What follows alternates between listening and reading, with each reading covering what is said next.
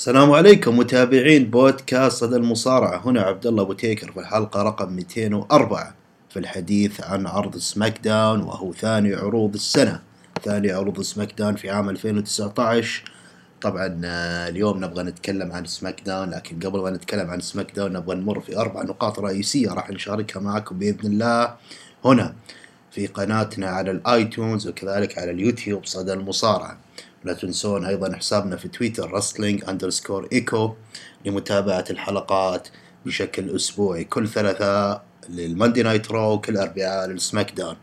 طبعا في البداية نبغى نتكلم عن الأسطورة الراحلة مين جين أوكرلاند. إيه، طبعا زي ما أنا وضحت لكم في الأسبوع الماضي وأنا أسجل عرض SmackDown مع الكابتن منصور. نزلت التغريدة على حساب ال WWE إن توفي عن عمر ناهز السادسة والسبعون. وأنا أسجل الحلقة أيضا كانت ف واخذ تعاطف جدا كبير على مستوى ال social media وعلى تويتر. وشفنا أيضا أمس في عرض ال Monday Night Raw عودة هولك هوجن آه، بعد سنين طويلة وأول ظهور له من سنين في عرض متلفز على ال Monday Night Raw. وتحدث عن آه، مين جين أوكرلاند وخلد روحه يعني بشكل عام وكانت لحظات مؤثرة والجمهور يعني كل اللي قاله وكل اللي سواه إنه pay some respect for the legend واحد من أهم المشاريع واحد من الركائز الأساسية اللي شفنا منها ال Hulkamania وأيضا هو مشجع الهولك هوجن لكن في البداية خلوني أرحب بالضيف المميز وعاشق AJ Styles علي أبو حسن. أبو حسن مساء الخير. مساء النور يا أبو تيكر كيف حالك؟ يا هلا ومرحبا. يا هلا وسهلا حياك الله منورنا يا أبو علي. يا هلا بك والله منور بوجودك. يا هلا وسهلا. طيب خليني أسألك أول شيء عن الأسطورة مين جين اوكرلاند والصوت المميز والصوت الخالد وواحد من الركائز الأساسية اللي زي ما قلتها اللي كان فينس كان يعتمد عليه كثيرا في حقبة الثمانينات. أه ابى أعطيك كلمة حرة إذا بتحب تتكلم أو تضيف شيء في هذه الأسطورة. تفضل. مين مين جين صراحة مهما تكلمنا عنه ما نوفي حقه. أحد أساطير المصارعة. طبعا أكبر دليل تكريمه في ال Hall of Famer ال Hall of Famer ما يقتصر بس على المصارعين. أي شخص له بصمة في ال WWE له بصمة سوى علق في رؤوس الجمهور لسنين ما تنساه. وأكبر مثال مين جين. يستاهل انه يوجد في ال Hall of Famer وفعلا شفنا عودة هولك هوجن لتكريم هالاسطورة ذا. وأتمنى فعلا أتمنى إن اسمه ما ينسي يعني يكون بين فترة وفترة يطلع أي أسطورة أي برومو بعد سنين ريك فلير أي ما كان لو يذكره لفترة بسيطة. عشنا معاه حبيناه ودائما من تذكر أندري ذا جاينت تذكر اللقطة الشهيرة مع مين جين يوم يحط يده على وجهه. كل اللي اتمناه إن هولك هوجن أو أي ما كان اللي بيرجع في الأسابيع القادمة والسنين القادمة لا بد أن يذكر وخير مثل ما قالوا عند مصايب في أشياء تصير لك إيجابية. يعني شفنا بوابة عودة هولك هوجن لعرض ال Raw بمصيبة رحيل آه، مين جين فهذا يعني شيء إيجابي. اللي نتمناه يعني rest in peace مين جين وهولك هوجن عودة حميدا وإن شاء الله إن الجمهور بالنسبة إن تطرقنا لهولك هوجن إن الجمهور يتغاضى عن الشيء اللي صار وتمشي الأمور. بالتأكيد بالتأكيد هو أسطورة وأيضا شفنا تفاعل المصارعين وحتى من خارج مجال المصارعة إحنا لازم ننوه على شغلة إن مين جين أيضا هو صاحب صوت جميل وله قفشات جميلة وله performance رائع خاصة في أغنية Tutti Frutti موجودة على اليوتيوب يقدر أي واحد يرجع لها. يعني صوته جدا مميز هو مؤدي و entertainer يعني زي ما قال عليه هولك هوجن يعني كان همه فقط إنه يسعد الجمهور و يعني و get people in motion the ring من خلال صوته أو من خلال الفقرات اللي قدمها كحوارات مع المصارعين في ذيك الفترة. طيب هذا فيما يخص النقطة الأولى، النقطة الثانية نبغى ندخل في عرض SmackDown. طبعا آه، لاحظنا الأسبوع هذا أن العروض مركزين على ال brawls، ال brawls اللي هي الشجارات اللي تتم خارج الحلبة. وشفنا في عرض ال Raw أمس وشوف وشفنا اليوم أيضا في SmackDown كذا فقرة أيضا من خلال وجود مشاجرات تتم في ال arena، ال arena نقصد فيها اللي هي ما حوالين الحلبة أو في قاعة الحلبة. طبعا في البداية دانيال براين بدأ عرض ال SmackDown وكان في ال arena برضو في قاعة في القاعة نفسها وكان ما بين الجمهور فوق عند الكافيتيريا وكان يتكلم عن الجمهور وكان يعني يصف الجمهور بأوصاف بشعة خاصة في إنكم أنتم آه، كونكم عشاق ايجي ستايلز وكونكم مشجعين ايجي ستايلز ما عندكم أهداف في الحياة فقط تاكلون الهوت دوغ وتشربون آه، الصودا اللي هي الكوكا كولا وحياتكم bullshit وأنتم fickles متقلبون. واستمر واستمر على هذا النهج. حتى أيضا صارت في مناوشات واشتباك بالأيدي مع ال fans في ال arena. وظل يستمر دانيال براين إلين ما دخل إلى الحلبة طبعا عن طريق السلم اللي كانوا ينزلون فيه ال Shield دائما. وقاطع ار تروث تهجم عليه إلى أن أقيمت مباراة.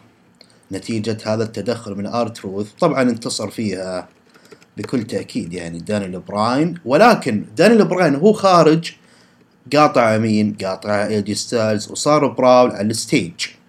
ال brawl هذا أدى إلى أن المسؤولين تدخلوا وحاولوا إنهم يفرقونهم عن بعض كإشارة أو دلالة إلى أن ايجي ستايلز ما زال صامد ويرغب في إعادة تحقيق لقبه في مباراته ضد إيه ضد دانيال براين على لقب ال WWE في ال Royal Rumble 2019 اللي راح يكون تقريبا بعد أسبوعين ثلاث أسابيع. تطورات العداوة شفناها من الأسابيع الماضية إلى هذا العرض.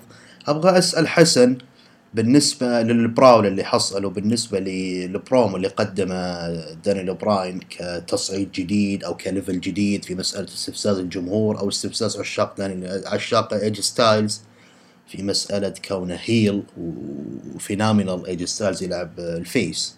كيف شايف الوضع وإيش توقعاتك في الأسابيع الجاية إلى المباراة المرتقبة في ال Royal Rumble؟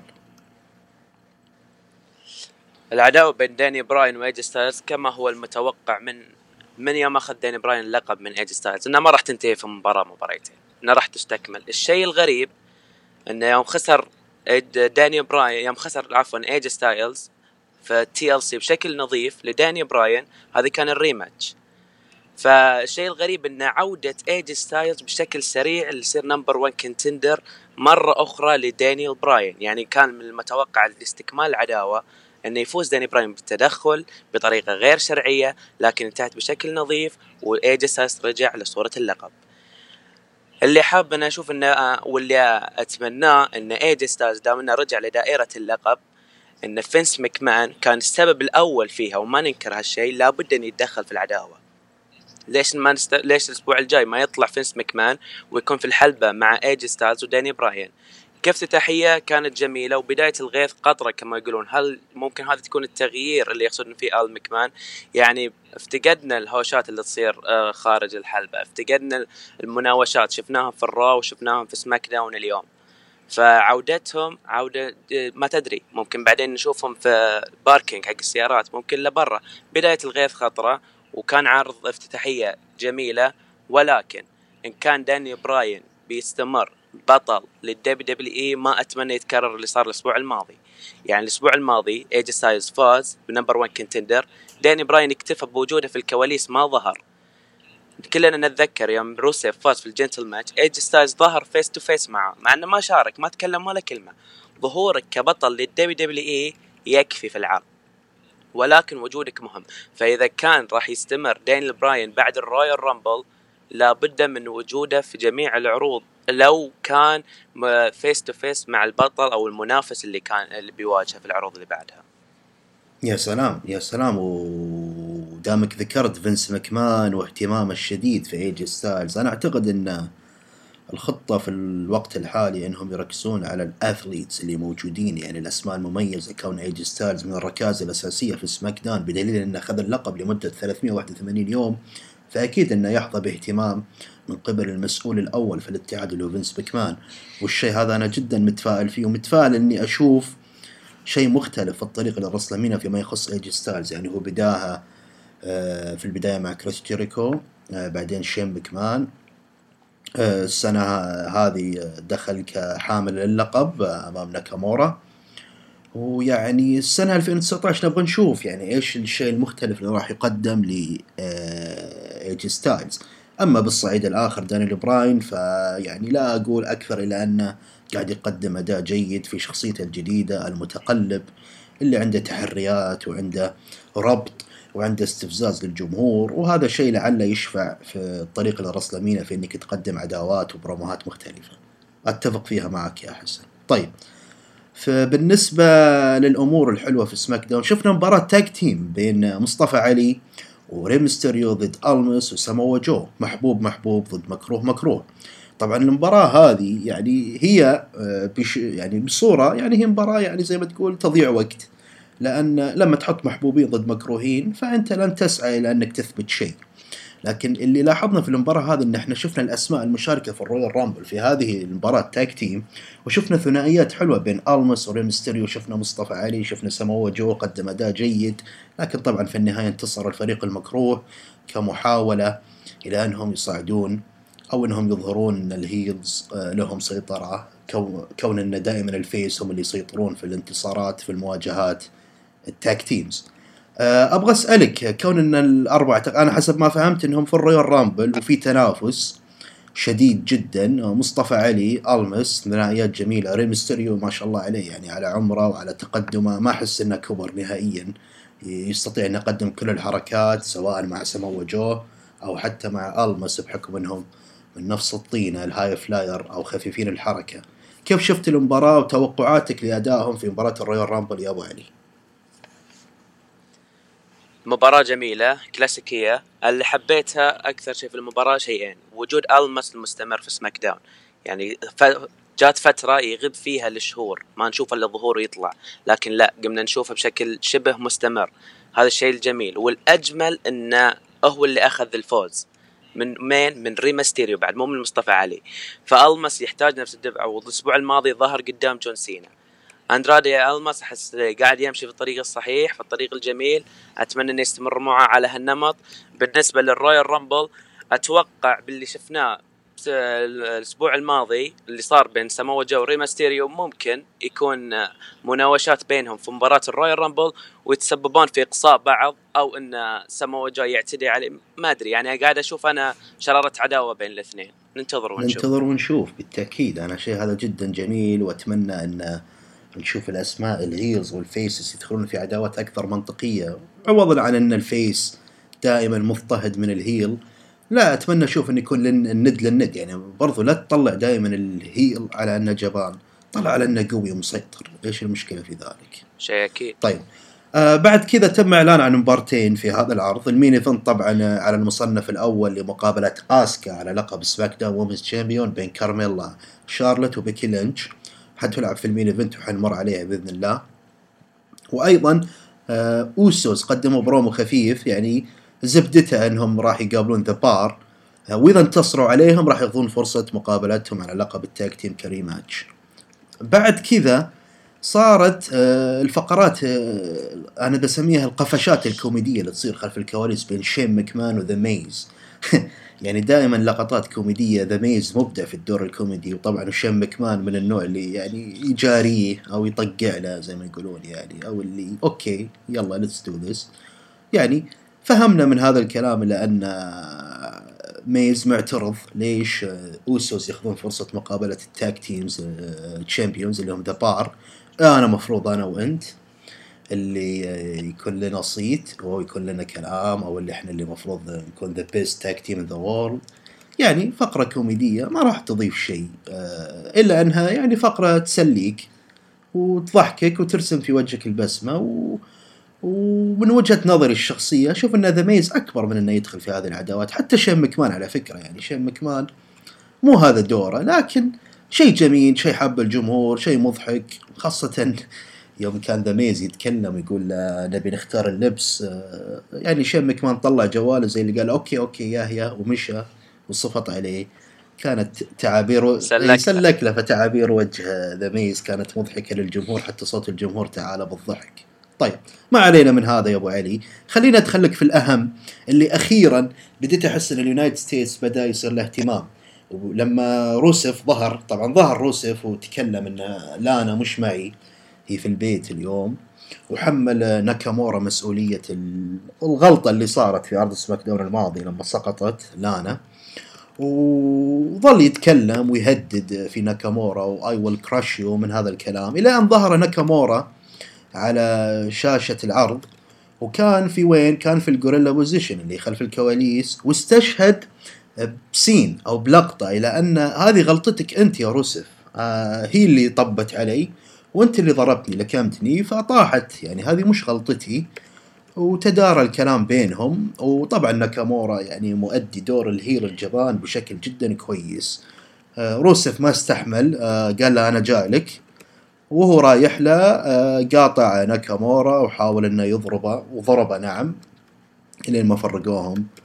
وبهذه الصورة نكون إحنا شفنا عداوة مرتقبة على لقب ال United States. عوضا إن إحنا كنا ما نشوف ناكامورا نهائيا وإذا شفناه في المهرجانات كنا نشوفه يلعب في ال kickoff أبو علي تطور ال United States عداوة روسيف وناكامورا كيف شايف الوضع وإيش توقعاتك الفترة الجاية؟ أنا أول ما شفت روسف رايح لناكامورا واللقب كنت بتخوف نوعا ما لأن اللقب ميت وروسف كان شبه معدوم يعني ما نشوفه إلا يتلقى الهزيمة والسلام عليكم ويطلع لي مع لانا لكن لا شفنا ما ما بحكم عليه الآن لكن من الأسبوعين لا شفنا United States يرجع على الأقل يعني أسبوعين ورا بعض ظهر في العرض شيء إيجابي يعني كان شيء مميز كان في الشهر يطلع مرة. ف وروسف يعني بخطة قلم يقدرون يرسمون عداوة جميلة في الطريق لل WrestleMania وعندنا mid card عندنا أندرادي ألماس وعندنا مصطفى علي دام إنه انضم ل SmackDown وفي أسماء كثيرة. وقد ينضم لهم شينسكي ناكامورا نشوف ladder match fatal four way يقدرون يبنون للقب في الطريق لل Mania ويرجعون له شوي من البريق اللي اختفى نوعا ما في 2018 ففوز روسف في اللقب قد يكون إيجابي نحكم عليه بعد شهور. في طريق ل WrestleMania يبان كل شيء. عداوته مع شينسكي ناكامورا. طبعا أفضل نسخة شفت لهم آه، صراحة كانت يوم فوز آه، روسف باللقب. يعني شفتهم في Crown Jewel و Fastlane لكن مباراتهم كانت جدا جميلة ومترقب للمباراة الجاية اللي بينهم. لكن أشوف سياسة صايرة في WW يعني شوف بيكي لينش ما أخذت ال rematch من آه، آسكا يعني اضطرت إنها تفوز في ال number 1 contender ممكن استغرقت الأحداث لكن حاب أوصل فكرة. عشان تستحق الفرصة إنها توصل لآسكا. فأنا مستغرب إن شينسكي ناكامورا ما اتبعوا معاه السياسة. دام إن هذه الفكرة الجديدة حتى سيث رولنز يوم خسر اللقب لدين أمبروز اضطر إنه يثبت نفسه عشان ياخذ ال rematch. ما أدري يعني السياسة جديدة لكن ما طبقت على ال United States ما أدري ليه. لكن مترقبين للعداوة والسؤال هو شو القادم لروسف روسف دام انه عنده مايك عنده كاريزما عنده character يقدر يضبط أموره. القادم بعد اللقب لشينسكي ناكامورا. شو الجاي له؟ القادم إنه بيطص بيروح حالة حال اللي راحوا AEW ولا إيش رأيك أنت؟ والله هذه اللي شكلها لأنها بعد ال push اللي جاء وما حظ ما حظى يعني بالاهتمام الكبير من الجمهور ما ظنيت إنه راح يستمر في ال W. لعلنا نتك... بنمر عليها الاي اي دبليو بنشوف إيش وضع ناكامورا وضع الأسماء هذه اللي ما قاعدة يعني يعني هي تقدم شيء كويس لكن زي ما تقول مو ماخذة راحتها في ال WWE طيب بعد كذا لعبة المباراة طبعا في منتصف العرض اللي مباراة ال tag team بين The Bar شيموس وسيزارو ضد ال Usos مباراة جميلة صراحة ك tag team كان شرط المباراة إنه إذا فازوا ال Usos راح ياخذون rematch على لقب ال tag team سماك داون آه ما أدري هل في الريال رامبل أو في الأسبوع اللي جاي ما حددوا لكن راح ياخذون tag team طبعا ما انتصروا لأن ماندي روز قاطعتهم واستخدمت الإغراء يعني هذا الإغراء كان موجود أيام ال Ruthless Aggression وفي ال TV 14 وماندي روز يعني قاعدة تأدي بشكل جدا كويس حتى إن الجمهور كان ساكت ويطالع بس. فما أعتقد إيش أنا لا أدري صراحة إيش الفترة الجاية لكن هل يبون يرجعون ال Ruthless Aggression ولا أيام ستيسي كيبر وأيام آه، الأسماء اللي كانت هناك؟ نتحفظ عن ذكرها عشان لا أحد يبحث عنهم. وأعتقد الكل عارفهم يعني. بعدين كذا يعني خسروا ودخل بعدها ذا ميز قال لهم خلاص يعني أنتم فزتوا الحين يلا. يلا الآن أنا أبغى مع رفيقي اللي هو شين مكمان إن إحنا ناخذ فرصة to be the best أو the greatest tag team partner in the world يعني. طبعا هو ما بدأ يكمل إلا يوم قاطع سيزارو قال له دقيقة دقيقة بس تشير آه، شيموس وعطى dropkick في وجهه مباشرة وانتهت الفقرة. برفع أحزمة ال tag team للبار وإنهم هم ال tag team الأفضل في عرض سماك داون حتى وين ميز حاول إنه يثبت إنه الأفضل مع شين مكمان على حسابهم. طبعا بعد كذا صار brawl خلف الكواليس بين نايومي. طبعا تبي تردها يعني. ونايومي يعني وسونيا ديفيل وماندي روز. شيء شيء متوقع إن إحنا نشوفه وأعتقد إن هذا الشيء راح يترجم وراح نشوف نتيجته في مباراة الرويال رامبل كون إن الثلاث أسماء هذه مشاركة في المباراة. الأمور هذه كلها أبو علي أعتقد أنت مريت فيها ولا أعتقد إن الوقت يسمح إن إحنا نتطرق لها بشكل تفصيلي لعلنا إن شاء الله في الأسابيع الجاية أو في مباراة الرويال رامبل نلخص اللي صاير في العروض على مستوى سماك داون أو الماندي نايت رو لكن إحنا في سماك داون هنا نترجمها في المباراة نفسها. طيب بسألك عن شغلة قبل ما أدخل على الأحداث الرئيسية أبو علي أنت طبعا شفت during the show أن في فقرات بروموهات حوارات بين بيكي لينش وبين شارلوت آه يتكلمون يعني عن صحيح. كونهم who's the best و who's gonna win who's gonna face اسكا who's gonna be the champion ومن هذا القبيل طبعا شارلوت يحسب لها التفوق اللي ذكرته يعني. وطبعا ذكرت تاريخها وإنها تصدرت الرو وسماك داون ومهرجانات عدة ولعبت مباريات مختلفة خلال الأربع سنوات الماضية. بيكي لينش أيضا كارميلا أيضا تكلمت إنه أنتم دائما تنظروا لي إني الحلقة الأضعف لكن أنا لست كذلك. أنا أول من فاز بالماني ان ذا بانك وأنا وأنا. ومن هذا الكلام. أبغى رأيك في ال segments أو في هذه الحوارات أو البروموهات اللي صارت يا أبو علي. قبل ما أدخل على ال main event. أنا استمعت يوم بدت فيها كارميلا. اللي انتبهت أن الكارميلا حتى يوم كانت في الكواليس الأسبوع الماضي مع تربل اتش والبقية. يعني ما عندها شيء تشيد فيه إلا تاريخها بالفوز بالماني ان ذا بانك على شارلت وعلى بيكي وعلى آسكا مرتين. أما لو نستمع لبيكي لينش وشارلت فلير كل كل كلمة مختلفة عن الثانية. يعني عندهم قاعدة أساسية يستندون عليها اللي يعني يبون يثبتون وجهة النظر بشكل سليم. وخصوصا شارلت فلير كما طرقت له أنت ما هز لها جفن يعني تتكلم بكل ثقة. صراحة أشيد لها بهالنقطة. لكن أنا بين الثلاثي عجبتني بيكي لينش لأنها على البروموهات اللي طلعت فيها وكثرة ظهورها في الفترات الأخيرة إلا أنها تتطرق لأشياء جديدة. كل مقابلة كل حوار على عكس كارميلا اللي من فازت باللقب وهزمت أسكا وشارلت وهي شبه شهريا أسمع هالكلام. فأنا أشوف عودتها بس عشان تبلع التثبيت ولا تبلع الأخبار نفس ما شفنا. فلا بتزيد ولا بتنقص وبترجع ل 7 دانس بريك مع ارتروث كما ويرجع الحال كما هو. هذا طيب بالحديث عن كارميلا طبعا ندخل على مباراة ال main event. زي ما قلنا انه تم الأسبوع الماضي كان في جلسة حوارية بين آسكا شارلوت بيكي كارميلا وكان بينهم تريبل إيتش. قاطعتهم بيكي لينش ويعني وصار بينهم حوار. قال لهم تريبل اتش I'll see what I can do next week وفعلا هذا اللي صار إنه خلال العرض أعلنوا عن مباراة triple threat match بين آه بيكي لينش شارلوت وكارميلا والفائز يقابل آسكا على لقب سماك داون women's في الرويال رامبل. طبعا المباراة هذه كانت على ال main event في سماك داون يحسب في المباراة يعني لو بنطلع منها زي ما تقول بعدة أجندة ونقاط أن كارميلا قدمت أداء كويس. أنا أشوف أن كارميلا بالشخصية الجديدة اللي هي فيها قدمت أداء مو بسيط. طبعا شارلت وبيكي ما يحتاج أتكلم عن مستواهم.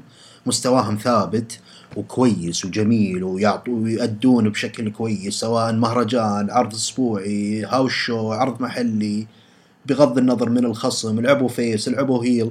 ادائهم جدا كويس. والجمهور متفاعل لكن اللي لفت نظري هي كارميلا قدمت أداء لا بأس فيه. طبعا في النهاية فازت بيكي لينش آه، بال submission move على كارميلا وسط نظرات حقد أو زي ما تقول نظرات اللي آه، نظرات شارلوت اللي تقول خلاص الحين أنا ما أمامي إلا الرويال رامبل. وطبعا خلوني قبل ما أسأل ضيفي أبو علي أبغى أستشهد له كم نقطة وأبغى يجمع الحروف ويعطيني رأيه. المثري كعادته. طبعا إحنا كنا نسمع إن بيكي لينش كانت بتفوز في الرويال رامبل. الآن بيكي لينش تلعب ضد آسكا في الرويال رامبل. يعني العين صار على مين؟ على مين يا أبو علي؟ على شارلت على شارلت. الله الله. وشارلت بتقابل مين؟ راندا روزي. بالضبط. وبيكي لينش يمكن تدخل معهم طرف ثالث صح ولا لا؟ لأن راندا راوزي تتعب ضد شارلت فلما يكون عندك اسم ثالث زي بيكي لينش بين شارلت ومعك راندا راوزي على main event الرسلمينيا لو كانت هذه الخطة رسلمانيا 35 راح تكون منطقية أكثر عندك ثلاث أسماء قوية. فأبو علي أنت شفت المباراة وشفت النتائج وشفت الأخبار والحوارات اللي دارت بيني وبينك في الحلقات الماضية. لو بقول لك اجمعهم لي كلهم واعطيني رأيك شارلوت بيكي آسكا راندا راوزي رويال رامبل إيش اللي تتوقع راح يصير؟ طبعا إذا تذكر قبل كم أسبوع طلعت تسريب إن آسكا راح تواجه بيكي لينش في الرويال رامبل. قبل ما تتحدد المباراة لكن بعدين بيج طلعت وصرحت إن هذه كانت خطط ماضية. بالعربي إنه كنسلوا الموضوع. فظهور كارميلا وفازت كلنا عرفنا ان فازت كارميلا مع ارتروث وهي اللي بتدخل رقم 30 اللي كان في بالي إن بيكي لينش تلعب مع آسكا وراح تفوز آسكا بشكل نظيف على بيكي لينش ونشوف اللي صار مع رو... مع رومان رينز في 2017 يوم خسر لكيفن أوينز ظهر في رقم 30 في المباراة. قد هذا اللي نشوفه تخسر بيكي لينش لآسكا وتفوز آسكا وتحتفظ باللقب وتشوف الخصم الجديد لها في الرسلمانيا. بيكي لينش تتعدى على كارميلا في الكواليس ونشوفها تدخل في الرويال رامبل. وممكن إن تكون هذا كان يعني كان هذا اللي في بالي اللي يكون الموضوع من أول ما طلعت سالفة إن بيكي لينش راح تواجه آسكا في الرويال رامبل. أنا أشوف إن مهما كان مهما كانت الخطط مهما كانت التوجهات حتى لو كان عندهم plan B للرسلمانيا بيكي لينش دام انهم بدأوا بالعداوة وشافوا الزخم الكبير مع ضد روندا روزي في السرفايفر سيريس لكن ما صارت المباراة. مستحيل هالورقة ذي تضيع من عندهم. يعني حتى لو بيكي لينش الحين كصورة عامة أو مبدئية مبين لنا إنه متوجه لسماك داون titles مو حق الرو. لكن راح يصير اللي أشوفه إن هذه بس لبعد الأنظار. آخرتها في الرسلمانيا راح نشوف الثلاثي بيكي لينش وشارلوت فلير وراندا روزي لأن أساسا راندا مستحيل يعني card راسلمانيا أنا مستحيل يحط لي فينس مكمان في السرفايفر سيريس. يعني روندا روزي وشارلوت فلير أنا شفتهم في السرفايفر سيريس ما راح يحطهم كما هم في الراسلمانيا فبيكي لينش حتى لو كصورة مبدئية كانت متوجهة للقب سماك داون بطريقة أو بأخرى بتعدي على كارميلا بدخول للرويال رامبل أو حتى لو لو خسرت ممكن ما تدخل في المباراة وتفوز شارلوت في مباراة الرويال رامبل. تتهجم على الثنتين في أحد عروض الرو قبل الراسلمانيا وبطريقة أو أخرى تدخل نفسها في المباراة. لكن أنا نفس ما أتوقع إن كانت ال main event أو لا آه، في الراسلمانيا راح تكون ال triple threat على لقب الرو women's champion بين روندا روزي وبيكي لينش وشارلوت فلير في الراسلمانيا بالتأكيد و... وصراحة يعني زي ما ذكرت أشياء جدا جميلة وتوقعات اللي إحنا ممكن نشوف إن بيكي لينش تظهر بشكل مزدوج في الرويال رامبل. ممكن نشوف شارلوت فلير تفوز. ممكن نشوف كارميلا ما تدخل بسبب اعتداء بيكي لينش أو ممكن بيكي لينش تدخل برقم عادي يعني حالها حال أي مصارع. كونها لعبت وخسرت صحيح. ودخلت أيضا في المباراة. فكل شيء جاز وكل شيء متوقع. وهذه حلاوة العداوة وحلاوة التوشي... التشويق اللي يصير في لو- الرويال رامبل. لو قاطعتك يا, يا أبو تيكر في عندي نقطة بس. يعني إحنا شفنا يوم رومان رينز في 2017 دخل الرقم 30 ما دخل كرقم اعتباري أو دخل عادي مع إنه كان على لقب ال Universal. أقصى ذا اندرتيكر ليش؟ لبناء عداوة للرسلمانيا. فإذا كانت عد... آه، رسلمانيا يعني pay-per-views مستثنى. يعني حد يقدرون يغيرون في الخطط ويدخلون آه، الشخص مرتين في العرض في مباريتين مختلفتين بطريقة جدا سلسة. فيقدرون يضبطون. طبعا أنت يعني إلا تذكر المباراة هذه يعني تدري قبل سنتين.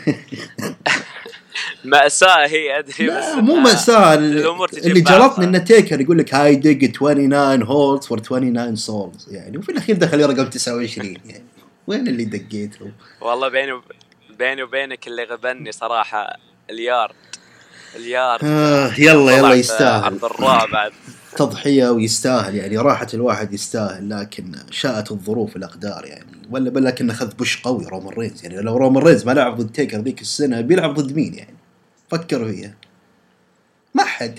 صحيح ما كان له منافس جاهز فكان. push قوي يعني. ورومان رينز يعني يستاهل وهذه ضريبة المجال يعني. حتى رومان رينز راح يوصل إلى عمر راح يسوي نفس الشيء. وفي أسماء كثيرة تقدم وتضحي ويعني يحسب للأندرتيكر صراحة أنه تنازل عن لقب من أهم ألقابه اليارد وأهداء رومان رينز. ومن ذاك اليوم إلى يومك هذا أنا ما شفت الأندرتيكر يقول نهائيا حتى في عداوته مع ال end of an era تريبل اتش ملبورن استراليا وفي الكراون جويل مع شون مايكلز ما ذكر ال era. آه، قصدي ما ذكر اليارد نهائيا. فرومان رينز أهدي للقب زي ما يقولون يستاهل. وأزيد على كلامك. من ذاك اليوم إلى آخر يوم اللي رومان رينز موجود على الحلبة واللقب ما يطير ما, ما يروح من لسانه لازم. يقول لك. يستاهل. أنا أشوف أن الألقاب توزع للشيلد يعني. فيستاهلون يعني. الجيل الجديد وهذه من أمور التضحيات. وهذا رد على كل واحد يقول لي إن القدامى جايين ياخذون وقت غيرهم. القدامى يتنزلون على ألقابهم. ومستقبلا راح نشوف ممكن أشياء أكبر وأعظم يعني. إحنا شفنا ال Angle Lock لما استشهد فيها درو ماكنتاير في عرض الأمس وقال يعني I beat كرت انجل with his own submission. Angle Lock و I have a reputation of taking out the صحيح. greatest. فيعني هذا نوع من إنك أنت برضو عشان المجال يستمر أنت لازم تتنازل. أنت اخذت فرصتك واخذت ألقابك وشهرتك وكل شيء. جاء الوقت لإنك تتنازل. وهذه هي ضريبة المجال وهذا شيء عادي وأنا مؤمن فيه يعني. و... وأنا ضد صراحة يعني واستغرب من المصارع إذا وصل لل level معين يقول لك لا خلاص مين أنا عشان أتنازل؟ فهذا اشوفه قمة الإيجو وقمة الأنانية. هذا عرض SmackDown يا أبو علي. خلصنا عرض SmackDown. طيب. كان عرض عرض جميل. وعرض بداية جميلة 2019 وبداية الغيث قطرة. إيه. منتظرين ننتظر الأسابيع الجاية الين طبعا أشوف التركيز على UK tour. UK tour عفوا الأسابيع الجاية لكن ما علينا آه، مو مجالي ومو مختص فيه خلينا نتكلم لك عن شيء صار أمس يا أبو علي كريس جيريكو المنافق إيش قال كريس جيريكو العام الماضي؟ أنا أشوف تويتر اليوم قاعدين يعيدونها كثيرين وأشوف رتويتات كثيرة يقول لك كريس جيريكو قال طوالما في اتحاد أمريكي احتراما لفينس مكمان أنا ما راح أروح له. أمس وقع العقد مع رجل الأعمال الباكستاني All Elite Wrestling اللي هو AEW وقع معاهم عقد بالإضافة لكودي رودز وزوجته وكذلك عدة أسماء ممكن تشوفهم في الأيام الجاية. AEW إلى أين رايحين؟ تبون تنافسون فينس مكمان ولا بيكون نظامكم زي ال TNA Impact أيام حرب الاثنين 2009 2010 آه ريك فلير اعتزل آه TNA جيب ميك فولي كان معلق انتهى عقده طلع آه TNA جيب. جيف هاردي انتهى عقده لما لعب ضد سي إم بانك وطلع. TNA جيب. هوجن جيب جيب جيب. وجاك 2010 TNA Victory Road. كانوا يطبلون بمباراة القرن بين ستينج ضد هولك هوجن. وفي ذاك الوقت ال WWE كانوا يدفعون بجاك سواجر وقبلها شيموس آه، بطل ال WWE وال main event لأول مرة في التاريخ في تاريخ ال WWE إن main event ال WrestleMania ما يكون على لقب كان على streak versus career أندرتيكر ضد شون مايكلز. وبنفس العرض تريبل إتش يدفع فيه شيموس. وبنفس العرض جاك سواجر فاز بال Money in the Bank اللي أول مباراة Money in the Bank كان فيها ثمان أفراد. ويعني شوف شوف يعني شوف الفرق إن ال WWE ما اهتزت است- استمرت على مشروعها وكانت في عز ال PG. وفي عز التصعيد بالأسماء بالمقابل الاتحاد الآخر كان إيش يسوي؟ يتعاقد. أي واحد يطلع جيب جيب. ال سنو جيب. أي واحد يطلع هات هات هات وحط. مستر كينيدي طلع جيب. بالشكل هذا. فما أدري وين رايحين AEW وهل هو شيء عقلاني إنك أنت كذا داخل تنافس بقوة وأنت لا لحد الآن مو معروف لحد الآن شغلك كله على تويتر وعلى fans مشترين قمصان ولابسينهم. فابغى أسمع رأيك في موضوع AEW زي ما قلت لك أنا عندي استشهاد سابق فما أبغى أحكم ما أبغى أتحمس ما أبغى أطبل على شيء. في النهاية هو copy paste يعني إيش رأيك أنت يا أبو علي؟ copy paste إيش راح يسوي رجل الاعمال الباكستاني في All Elite Wrestling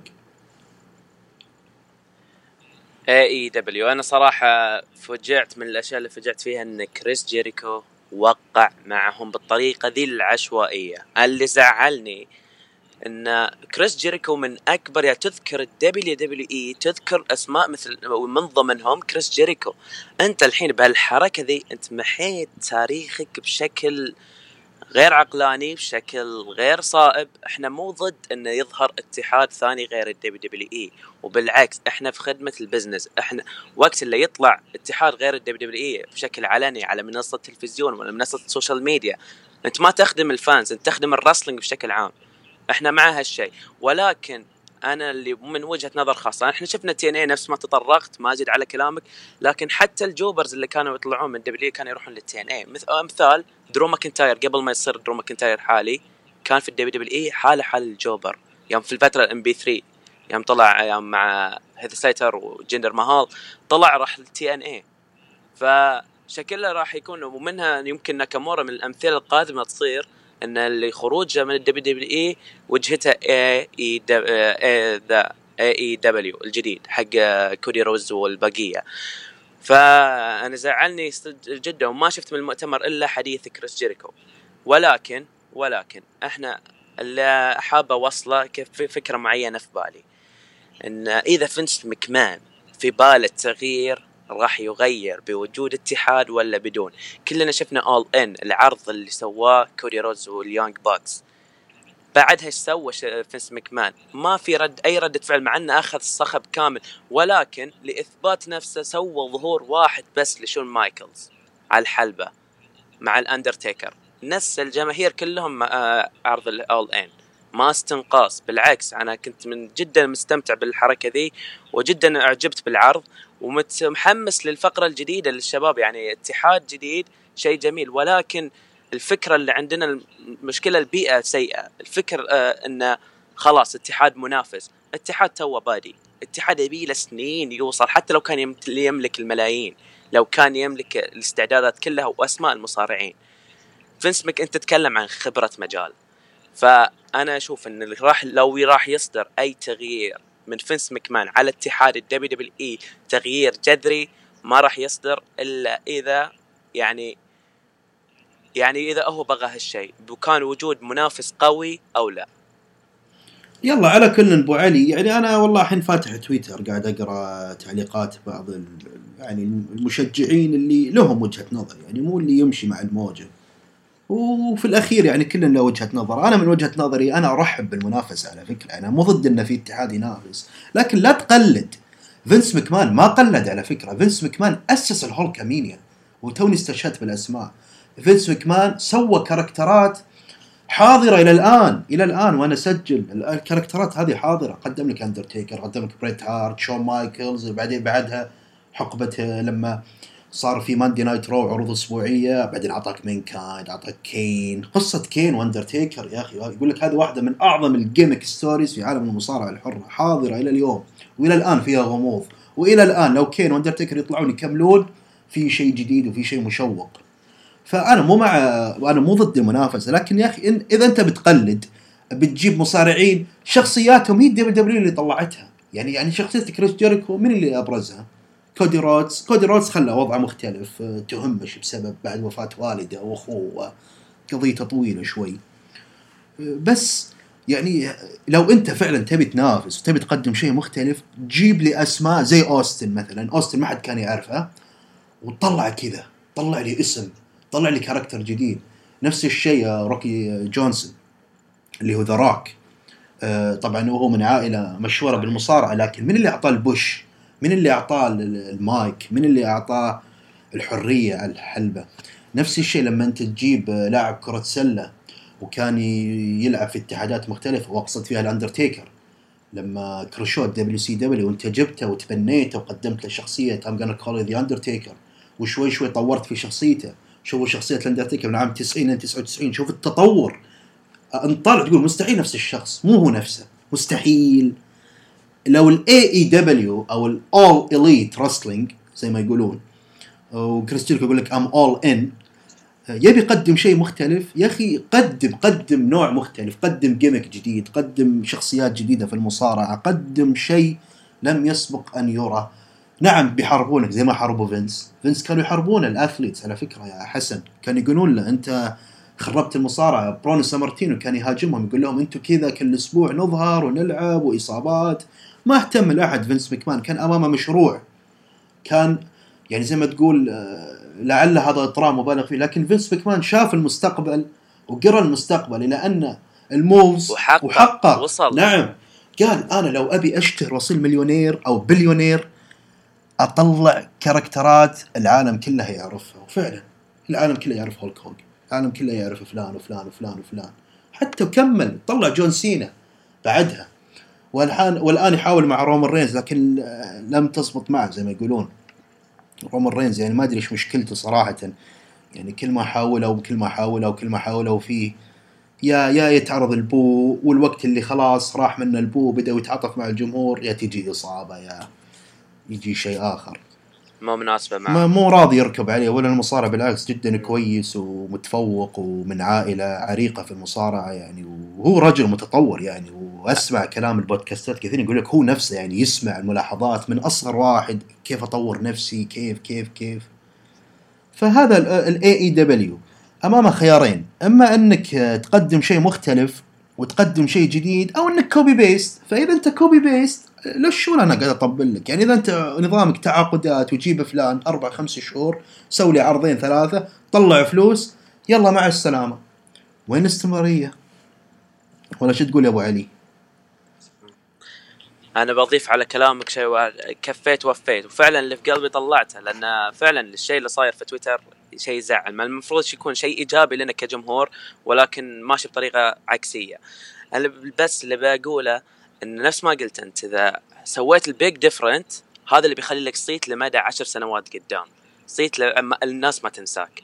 ولكن إذا أخذت الأشياء اللي نفس كريس جيريكو okay كريس جيريكو معك الحين حتى لو كان بيصير من ضمن ال roster. كريس جيريكو كم سنة تعطيه؟ كم؟ أعطى ثلاث سنوات. كلها كريس من لو تسأل ال fans حتى القدم ولا الجدد مرتبط بالدبليو دبليو إي فمهما أنت أخذته مهما أنت سويته مهما هو عطى في هالمجال فال- فالاتحاد ذا كريس جيريكو علامة للدبليو دبليو إي. فتحتاج أنت كاتحاد جديد إنه يكون عندك أساس تبني عليه لسنوات جاية لازم تكون لك العلامة الخاصة فيك.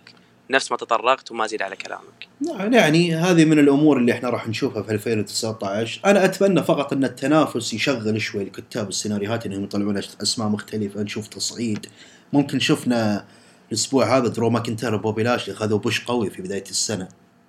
أتمنى إنه ما يدخلون في موجة التكرار وموجة الملل وموجة اللي فقط push كم فترة بعدها أطفي انزل إلى ال down طبعا هذه كانت حلقة اليوم 204 أنا عبد الله أبو تيكر وكان معي آه علي أبو حسن أو حسن أبو علي. أغلط تشيكي بيبي أيرون تشيكي يقول لك ما ينادي مين جيني جين مين لازم طبعا, طبعا على فكرة اسماء. خلينا استشهدك بشغلة يعني ايرون شيك أو تشيكي بيبي آه ناس كثيرة تسخر عليه. على فكرة لولا لولا هذا الإنسان ترى ما طلع هولك هوجن. تدري يا أبو علي؟ هو أول من بطح له. هو. أول أول مصارع زي ما تقول دخل في مشروع ال Hulkamania طبعا فكرة ال Hulkamania لأنك أنت American hero تنافس الأعداء الأشرار المتسيدين آه، ال- ال- ال gimmick صحيح. ال creep people فهو أول واحد كان آه، ال big hero. hero زي ما تقول أو اللي ال heels يعني ال heels اللي مكروه في في تلك الفترات. وطبعا دخلوا في عالم السياسة وال politics والجنسيات والأمور هذه يعني كانت هذه فكرة مكمان. بس على فكرة ايرون تشيك أو تشيكي بيبي هو أول واحد بدأ مشروع ال Hulkamania فلا تستهينون فيه يعني. وفعلا قصته جدا حلوة. ترى على فكرة هم من اللي هاجروا ودرسوا. ودخلوا في المجال. مسيرته جدا حلوة. وبرضه هو كوميدي في تويتر يعني. جدا جدا كوميدي. طبعا هذه حلقة اليوم وابو علي. بشكل عام كيف شفت الأسبوع؟ وإن شاء الله في الأسابيع الجاية نبي نشوف توقعات الرويال رامبل. لكن لحد الآن الطريق إلى الرويال رامبل كيف شايفه من عشرة؟ والله أسبوع كأسبوع أسبوع جميل. يعني شف- شفنا دخول في فقرة صح كنت ناوي أتكلم عنها لكن بطرق عليها بشكل سريع إن دخول ثلاثي من عائلة المكمان مع المصارعين يعني تريبل اتش مع سيت رولنز وشين مكمان مع ذا ميز وفينس مكمان مع ستايلز في نفس الوقت يعني في الطريق للمينيا فإن شاء الله تكون بشارة خير. ونفس قلت لك بداية الغيث قطرة. من عشرة في طريقنا للرويال رامبل نقدر لحد الآن دام إنه باقي أسبوعين نعطيهم خمسة وستة ستة خمسة يعني على أمل أنها ترتفع في الأسابيع الجاية. يعطيكم العافية جميع أنا عبد الله أبو تيكر وكان ضيفي أبو علي حسن. في الحلقة 204 لا تنسون تسمعون الحلقات الماضية. حلقة أمس محمد ورابح أبو صالح على الماندي نايت رو. واليوم حلقتنا كانت عن سماك داون. نلتقيكم في الأسابيع الجاية. have good day في أمان الله.